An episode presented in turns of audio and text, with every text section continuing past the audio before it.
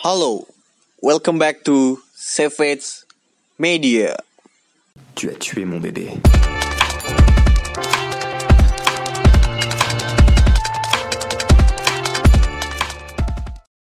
Ya, balik lagi sama gue Fikri di Savage Football Podcast. Pada kesempatan kali ini gue akan berkolaborasi dengan Barca Staff ID membahas soal Barcelona. Gue di sini bersama dengan staff. Halo staff. Halo, Iya.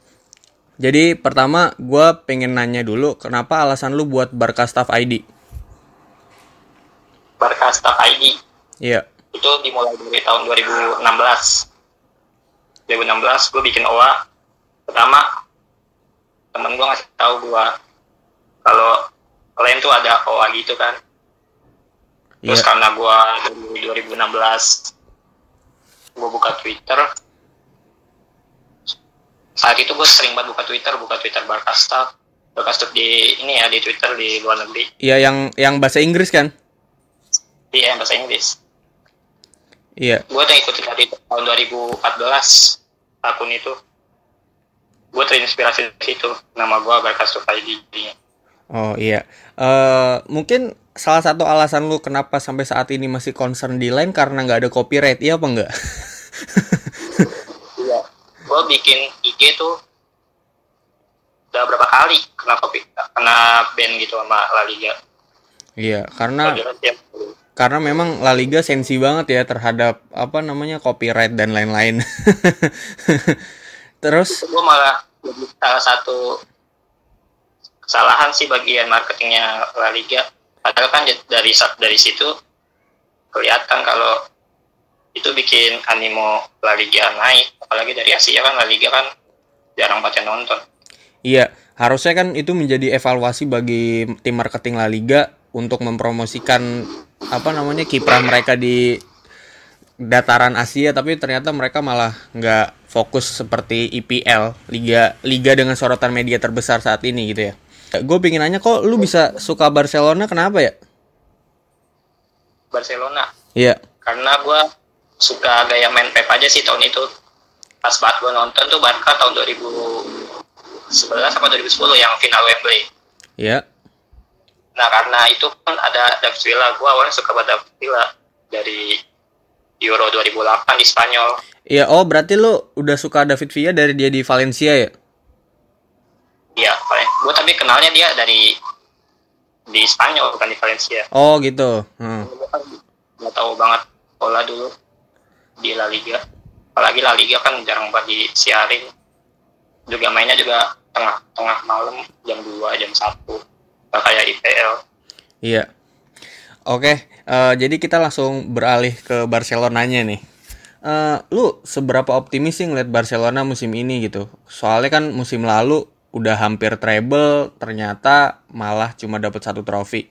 Kalau musim ini kayak gimana? musim lalu treble yakin padahal tuh ya awal awal tahun tuh awal tahun 2019 udah yakin buat treble kan? Nggak jadi jadi karena Valverde batu bat itu orang. Tahun ini ngeliat Barca sama Valverde masih sama Valverde lagi. Nggak ada harapan sih kayaknya. La Liga pasti udah di tangan ngelihat kompetitornya yang kayak gitu kayak Zidane yang masih miskin taktik lebih ke ngandelin crossing crossing mulu kan dia. Apalagi kalau lihat-lihat sekarang Madrid kurang beruntung aja. Banyak banget peluang. Nggak ada yang bisa menghasilkan gol. Walaupun terlepas dari CR terus juga Atletico masih sama Simon. Simon masih mainnya masih gitu-gitu aja. Nggak ada opsi penyerangan lain. Dan skema pelatih yang masih ngandelin serangan balik. Musim ini musim ini Barca paling La Liga atau enggak CDR sih dua trofi itu. Iya, tapi oh. lagi-lagi semifinal. Oh iya berarti kalau lu lebih yakinnya atau lu memprediksi kira-kira UCL sulit untuk juara ya? semifinal paling enggak semifinal final lah kalau Oh. udah semifinal biasanya juara Oh gitu.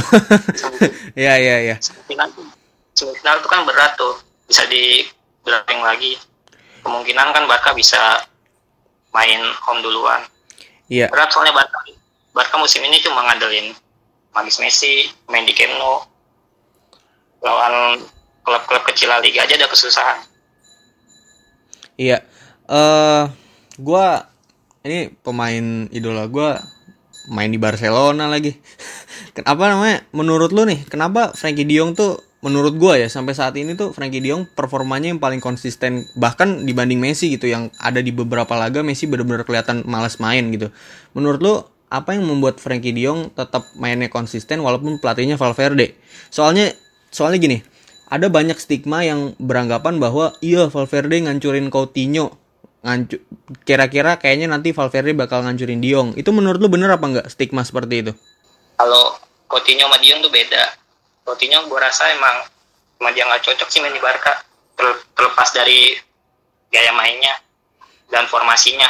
Banyak yang bilang formasi Barca di Coutinho ngaruh banget kan sama gaya performa Coutinho gaya mainnya. Tapi bagi gue Coutinho sendiri juga nggak cocok di Barca. Kalau De Jong itu emang dari awal udah cocok main di Barca. Apalagi musim ini musim awalnya dia kan musim pertama. Pasti dia bakal konsisten banget sih mainnya.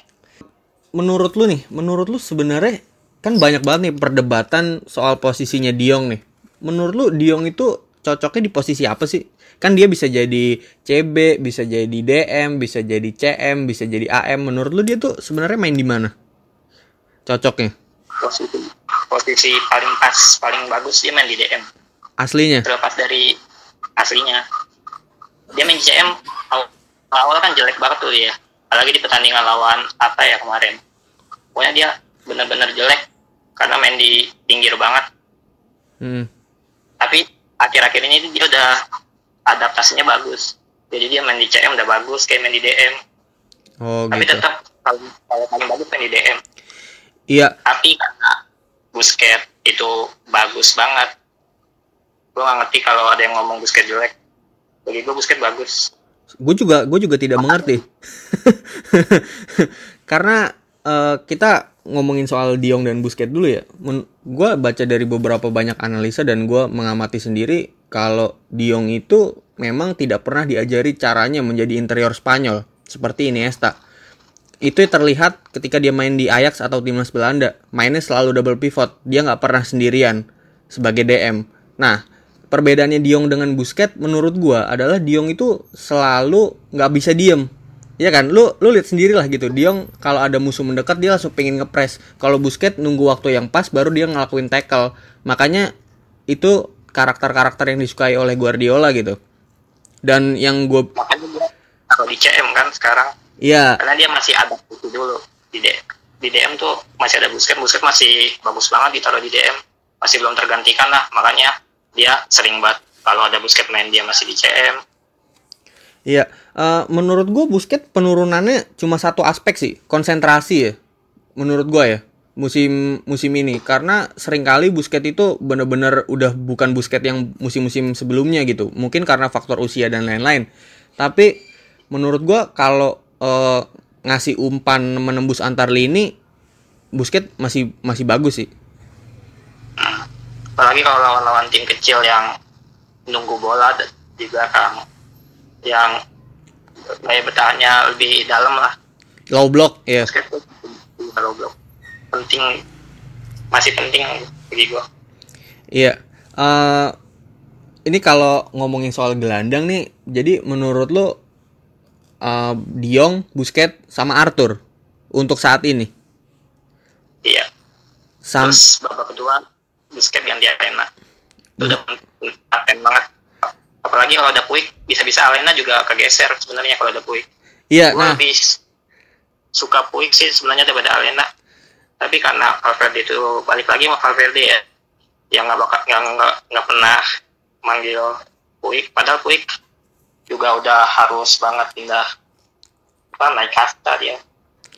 Karena iya, nggak karena di Barca B kan dia main di Liga kasta Liga 3 bukan kasta Liga 2 jadi menurut gua sayang banget prospek Puig kalau nggak dipromosi promosi iya. eh, berarti lu sepakat ya sama gua kalau Busquets itu masih setidaknya berguna walaupun dia nggak main 90 menit dia main lebih dari satu babak ya. iya Iya. penting karena tuh ada catatan di mana Busquets selalu Barca selalu menang ketika Busquets main dari awal main di line up Iya. dan itu benar Iya. Eh, apa namanya? Berarti lo tidak setuju ya dengan orang yang selalu bilang Busquets itu jelek. gue setuju. Dalam catatan ada beberapa match Busquets main jelek itu gue nggak bisa di itu sih nggak bisa di apa yang bisa dilawan emang bener Busquets. Musim ini ada banyak sering banget main jelek. Tapi nggak sepenuhnya dia tergantikan lah untuk musim ini. Nggak tahu kalau untuk musim depan. Iya. Eh, lanjut ya. Ini ada satu nama nih yang orang-orang masih sering ngebela dia gitu. Karena oh iya dia pernah jadi penentu di final lawan Juve gini-gini bla bla bla. Ini Rakitic namanya. Gua gua kesel banget sama dia ketika dia ngomong kalau Diong datang bukan menggantikan posisi dia gitu. Padahal kalau kita ngelihat apa gaya main dia di Anfield tuh dia bener-bener udah sampah ya, udah nggak layak main di tim segede Barcelona. Menurut lo Rakitic itu pemain yang seperti apa? Rakitic tuh gue ngeliat dia pribadi yang sayang keluarga. Kalau dilihat-lihat dari postingan-postingannya di Instagram tapi kalau di lapangan dia lebih ke ini sih dia. Jago antisipasi ini pergerakan lawan. Karena tuh Valverde tuh kayak gitu. Di di ruang ganti ngomongin soal antisipasi pergerakan lawan. Sampai pemain Barca sendiri bingung buat nunjukin kualitas dia. Eh, makanya Valverde tuh cocok banget sama Rakitic cocok banget sama Valverde iya, tapi menurut gua gini ya, eh, orang itu tuh nggak punya nilai tambah, udah tidak punya nilai tambah sama sekali di tim se- seperti Barcelona ya. Kalau Vidal, menurut gua jika Arthur dan Diong dipasang jadi double pivot, misalnya taruhlah nggak nggak mainin Busquets gitu, Arthur dan Diong jadi double pivot, terus eh, di depannya ada Vidal. Menurut gue itu lebih cocok ketimbang adanya si Rakitic itu ya. Entah dia jadi DM atau CM. Menurut gue dia udah bener-bener expired lah untuk tim segede Barca gitu. Dan karena ya, beda aja dia gaya main sama gaya main Barca kalau Raki ditaruh di klub lain pasti bakal penting banget kelihatannya kayak siapa ya Liga Italia lah kan pas banget sama gaya mainnya aku aku gitu. Aku nggak dia kayaknya bakal balik lagi ini ke Sevilla. Tapi mau lihat dia akhir-akhir ini sering dimainin kayaknya nggak akan sih pindah. Oh lu lu lu lebih tidak yakin dia akan pindah ketimbang dia dimainin agar ada yang beli dia. kalau gue lihat ya akhir awal awal musim ini kan Zaki itu nggak dimainin tuh di awal-awal. Itu kayaknya tuh bot tuh udah nyuruh Valverde buat cadangin Zaki soalnya dia bakal pengen bakal bener-bener dijual. Tapi setelah Zaki main Barca makin membaik dan Valverde juga suka sama keberadaan Zaki di Barca kayaknya bakal stay dia. Oh, malah Vidal yang bakal cabut. Tapi gue nggak setuju. Bukannya gue belain Aki tapi gue kesel aja gitu. Kalau ada yang ngatain Aki tapi nggak dikasih apa ya alasan yang yang kuat gitu. Mm. tapi menurut lu nih seandainya pelatihnya bukan Valverde, entah itu siapa pun ya, entah itu siapa pun, menurut lu Rakitic masih bakal di Barcelona? jelas udah enggak dia dia tuh nggak cocok main di Barca. Bahkan terakhir main bagus kan Barca treble waktu itu. Itu banyak banget yang beranggapan kalau Barca hebat datengin Aki berapa M doang berapa lebih di bawah 50 pokoknya udah bisa geser Safi waktu itu. Tapi setelah tahun-tahun berikutnya Aki udah menurun banget. Iya di sampai keberadaan itu cuma antisipasi pergerakan lawan doang emang. Antisipasi counter attack dia nggak pressing. Dia cuma penempatan posisinya aja sih bagus. Tapi gue gue sampai sampai sekarang itu masih tidak masih tidak. Ya mungkin dia dia penting di beberapa match gitu. Tapi menurut gue untuk main di tim sebesar Barcelona ya itu harus benar-benar konsisten. Dan ketika ada orang bilang bahwa Rakitic masuk menggantikan Safi dan bisa memainkan perannya Safi menurut gue itu bullshit sih. Soalnya mereka jelas dua apa dua gelandang yang berbeda gitu. Apalagi apalagi ketika apa namanya ketika Safi yang musim terakhirnya pas treble itu kan Safi masih tetap dimainin walau cuma kayak ya 8 menit 70 atau menit 60-an lah. Itu kan bukan berarti Rakitic serta merta udah mengesampingkan Safi gitu. Apalagi Safi kan ya mainnya pakai visi nggak kayak Rakitic ya cuma ngandelin fisik. Menurut lo orang-orang yang menyangka bahwa Rakitic itu apa namanya uh, ya suka ngebully Rakitic itu itu mereka dasarnya apa cuma ngikut-ngikut doang apa gimana? Karena gimana ya orang di Indonesia juga gampang buat kedoktrin sih bagi gue gampang buat suruh ikut-ikutan. Pokoknya apa yang banyak gue diomongin ya diikut-ikutin. Tapi gue nggak belain Rakitic tetap Rakitic emang jelek sih bagi gue dan udah nggak pantas buat di Barca udah dua tahun ini. Dua tahun ke belakang lah. beralih ke board ya. Menurut lo nih ini ini yang ini yang gue juga nggak mengerti gitu. Kenapa sih Bartomeu memainkan memainkan atau menanamkan gagasan sepak bola yang berlawanan dengan filosofinya Cruyff setahu gue uh, Ferran Soriano meminang Pep Guardiola ke City itu agar bisnis dari Manchester City semakin bagus berkat sepak bola yang mengentertain dari Guardiola. Sedangkan yang harusnya klubnya Cruyff yang di, di apa ada tangannya Cruyff di situ malah ber, filosofinya berlawanan gitu. Menurut lo ini ada unsur dari Real Madrid nggak sih semenjak dari Laporta lengser? Barto, Barto gue lihat datengin Valverde awalnya ya. Dia lebih ke gimana ya nyari pelatih yang gampang banget diatur. Kayak Barca datengin Paulinho contohnya. Itu kan udah jelas tuh dia Barto main uang. Dia jelas banget itu main uang.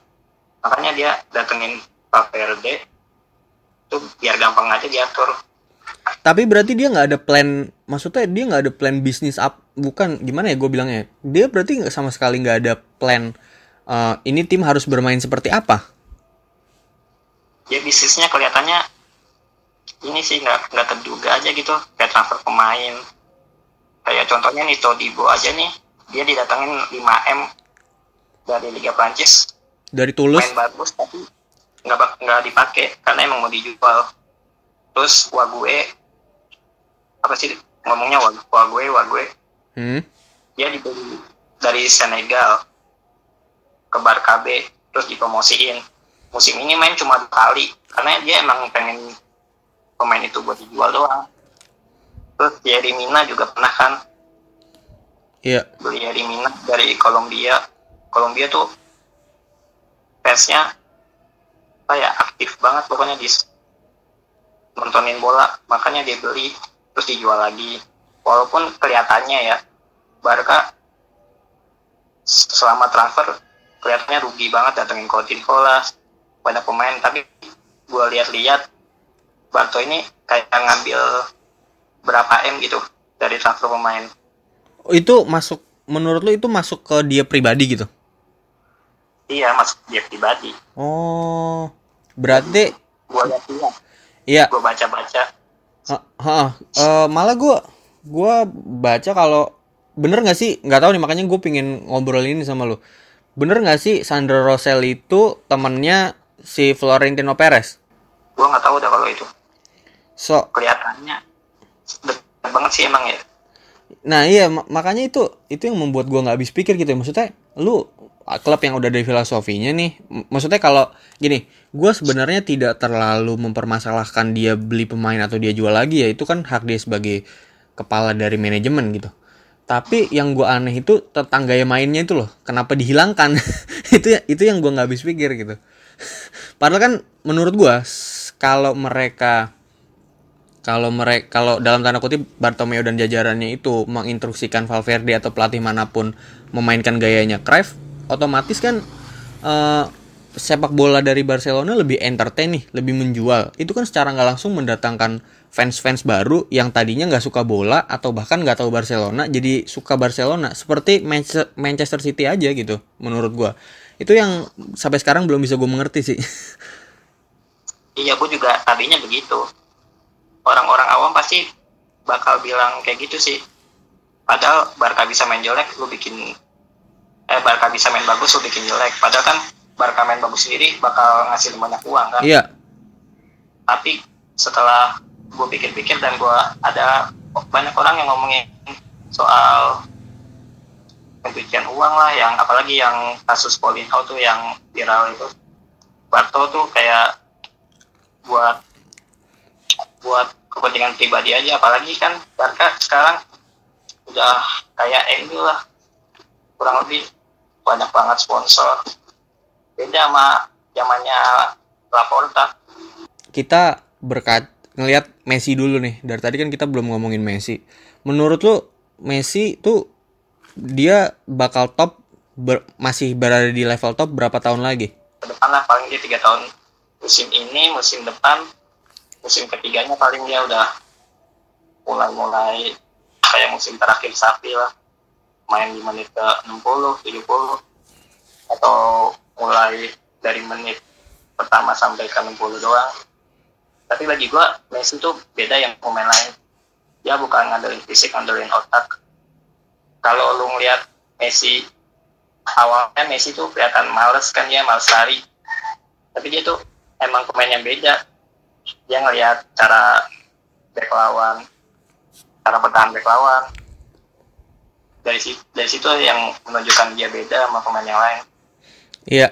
Eh, ini kalau ngomongin soal Messi nih, gue pingin ngangkat topik ini nih, ya kan? Apalagi belaka eh, kemarin atau kemarinnya lagi itu lu sempat ngeposting soal rival yang katanya rivalnya nih. Lu setuju gak sih sebenarnya selama ini Cristiano Ronaldo itu dibandingin sama Messi gitu? kata gua CR nih pembandingan Messi emang di dalam tim marketingnya emang sengaja membandingin sama Messi biar kelihatan lebih jago dari pemain lainnya.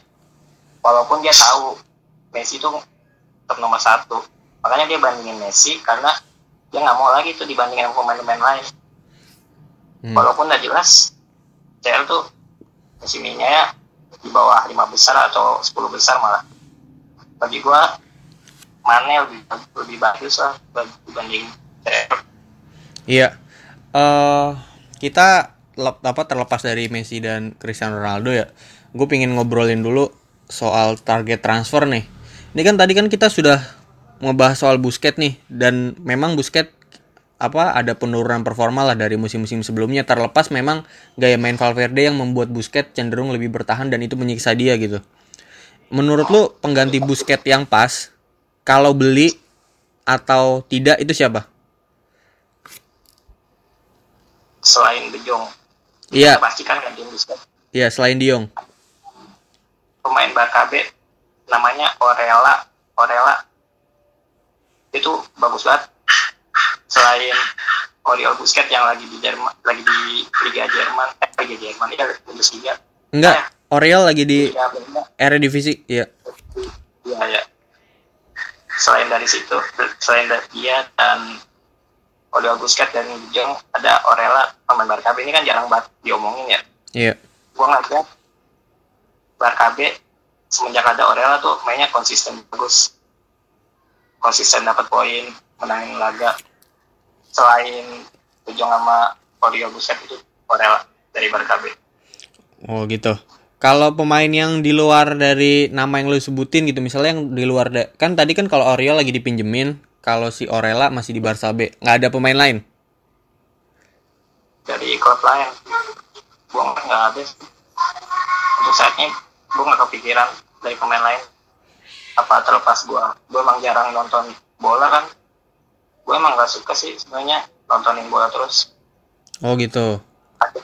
akhir-akhir ini Eh kalau nih, ini kan menurut gua sering jadi perdebatan nih soal satu pemain ini namanya Suarez nih. Suarez kan menurut gua udah dari dari yang setelah treble itu memang di La Liga dia jadi top skor ya, tapi kan di di UCL peran dia udah sama sekali nggak ada bantuan buat Messi gitu. Paling-paling yang cuma di match lawan Arsenal kalau nggak salah. Eh Suarez ini menurut lu yang layak penggantinya siapa sih? Kan beberapa beberapa musim sebelumnya gue liat-liat lu sempat bilang Bobby Firmino nih, tapi kayaknya Bobby Firmino kan nggak mungkin. Terus sekarang siapa? Lautaro Martinez jelas. Karena gue ngeliat Barca B nggak ada pemain lain selain yang pas banget ya yang udah paten banget bisa main di Barca utama. Apalagi April Ruiz tuh Januari yang digadang-gadang bakal ganti Suarez Januari dia pindah karena nggak dapat tempat di Barca B. Jadi gua ngeliat dari tanpa mengucilkan pemain Masia gua harap Barca beli Lautaro Martinez pemain Inter Eh, menurut lu kalau misalnya Lautaro Martinez ada gitu, Lautaro Martinez hadir, itu formasinya bakal seperti apa? Apakah Messi jadi striker lubang kayak zamannya Eto'o, kayak zaman Eto'o sama Ongri, jadi di depannya Lautaro Martinez sama Griezmann gitu, apa gimana? Iya, Griezmann itu sama Lautaro Martinez di depan di belakang Messi ya dua orang itu. Tapi kalau ngelihat musim depan kayaknya Barca tetap datangin Neymar nggak atau ini permainan media atau apa.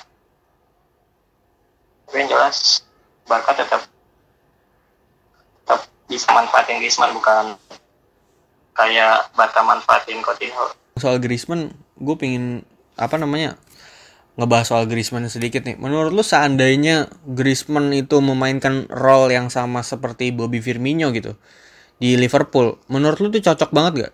ngeliat Griezmann lebih ke ini sih kan dia udah beberapa musim tuh dilatih si Simon karena dia pas banget sama main Valverde jadi dia cocok kan apalagi dia sering banget mundur ke belakang beda sih kalau dibanding dibandingin sama bis apa Firmino gaya main dia pergerakan dia tuh dia fisiknya oke. Sering banget kan dia lari-lari ke belakang bantuin apa backup Alba. Iya. eh berarti kira-kira lu kurang pede lah ya ngeliat Barcelona musim apa kalau sebelum nyampe final lu belum pede lah ya Barcelona di UCL. mentok-mentok semifinal atau enggak final final pasti aja kalau final Kalau final pede ya. eh nih sebelum sebelumnya kan gue pengen ngomongin ini dulu untuk terakhir nih topik terakhir yang pengen gue tanyain ke lu. Ini kan nanti ketemu Napoli nih. Menurut lu peluangnya segede apa? Napoli gue nggak ngeliat ya Napoli gue nggak pernah nontonin Napoli sih sama Liga Italia Hmm. tapi kelihatan kayaknya gue ngeliat-ngeliat apalagi di pertandingan terakhir Napoli menang berapa kosong? Lima ya? Itu kayaknya ada sinyal sinyal dari bosnya deh. Lu kalau mau menang lu eh, lu kalau mau pelat Ancelotti dipecat lu harus menang gede. Oh gitu. Berarti di situ ada motif pelengseran Ancel Ancelotti juga kayaknya. kayak pemainnya tuh pemainnya kayaknya nggak nggak mau diatur sama Ancelotti. Soalnya Ancelotti pemain bagus sih kata gua. Eh, pelatih bagus. Dia tuh benar-benar kayak eh, apa pas dia ngelatih Madrid dia benar-benar ngebuat ngebuat klub itu dari nggak nggak main instan. Nggak instan beli pemain. Iya. tapi kalau melihat dia sekarang dilatih Gattuso gua belum ngeliat sih permainan dia kayak gimana. Iya, mungkin itu bakal bakal nantinya bakal lu observasi lah ya sebelum sebelum laga, ya kan? Mungkin itu aja dulu. Makasih banget udah mau jadi narasumber di podcast gua. Semoga OA lu lancar terus dan mulai semakin banyak lah ya fans Barcelona yang realistis. Sampai jumpa di episode-episode berikutnya. Tu as tué mon bébé.